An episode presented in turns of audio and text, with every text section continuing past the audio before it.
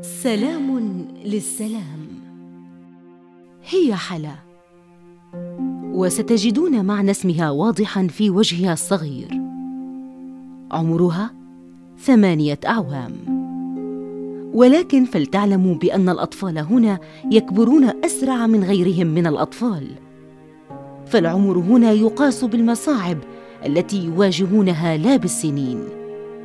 حلا أشبه بالفراشة الصغيرة التي تتنقل بين الخيام والأشجار وفوق عبارات المياه بعد أن ألقت على عاتقها مهمة تعريفنا على العدوسية.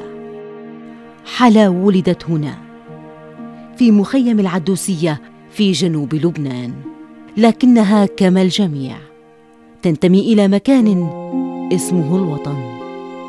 سألناها إن كانت تعرف الوطن. وبعد أن صمتت قليلا قالت بأن والدها أخبرها بأن هناك في الوطن كانوا يملكون منزلا مبنيا من الحجر وفيه غرف متعددة. بيت لا يشبه الخيمة ولا يمكن للأمطار اختراق جدرانه ولا يستطيع الهواء اقتلاعه. قالت بأنها لم ترى الوطن لكنها تتمنى الذهاب إلى هناك لتعيش في ذلك المنزل بدلا من الخيمة. هنا في العدوسية لا يوجد شيء سوى الخيام وبضع أشجار متفرقة. وضع الأطفال على إحداها أرجوحة يتناوبون باللعب عليها. فهنا لا يوجد لديهم حدائق ولا حتى مدرسة يذهب إليها الأطفال ليستطيعوا تعلم القراءة والكتابة. هنا يمضون نهارهم بالتجول بين الخيام. والقفز فوق عبارات المياه وحجز دور على الارجوحه وكانت حلا أشبه بالفراشة الصغيرة التي تتنقل بين الخيام والأشجار لتعرفنا على العدوسية.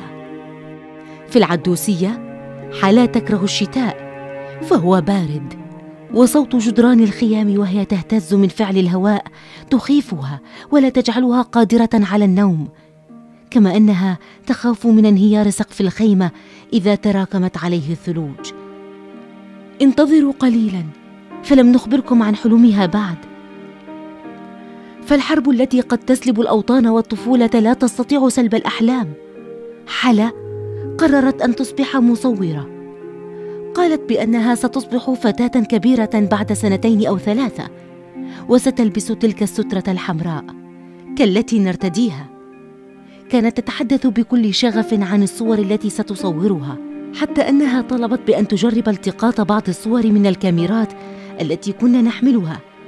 فزاد إصرارها على أن تصبح مصورة بعد أن التقطت بكل سعادة بعض الصور. قالت بأنها لن تبقى في العدوسية. هي ترغب بالذهاب إلى الوطن الذي أخبرها عنه والدها. قالت بأنها ستلتقط صورا كثيرة لمنزلهم الحجري هناك وللحدائق والمدرسة وكل مكان لا يشبه العدوسية.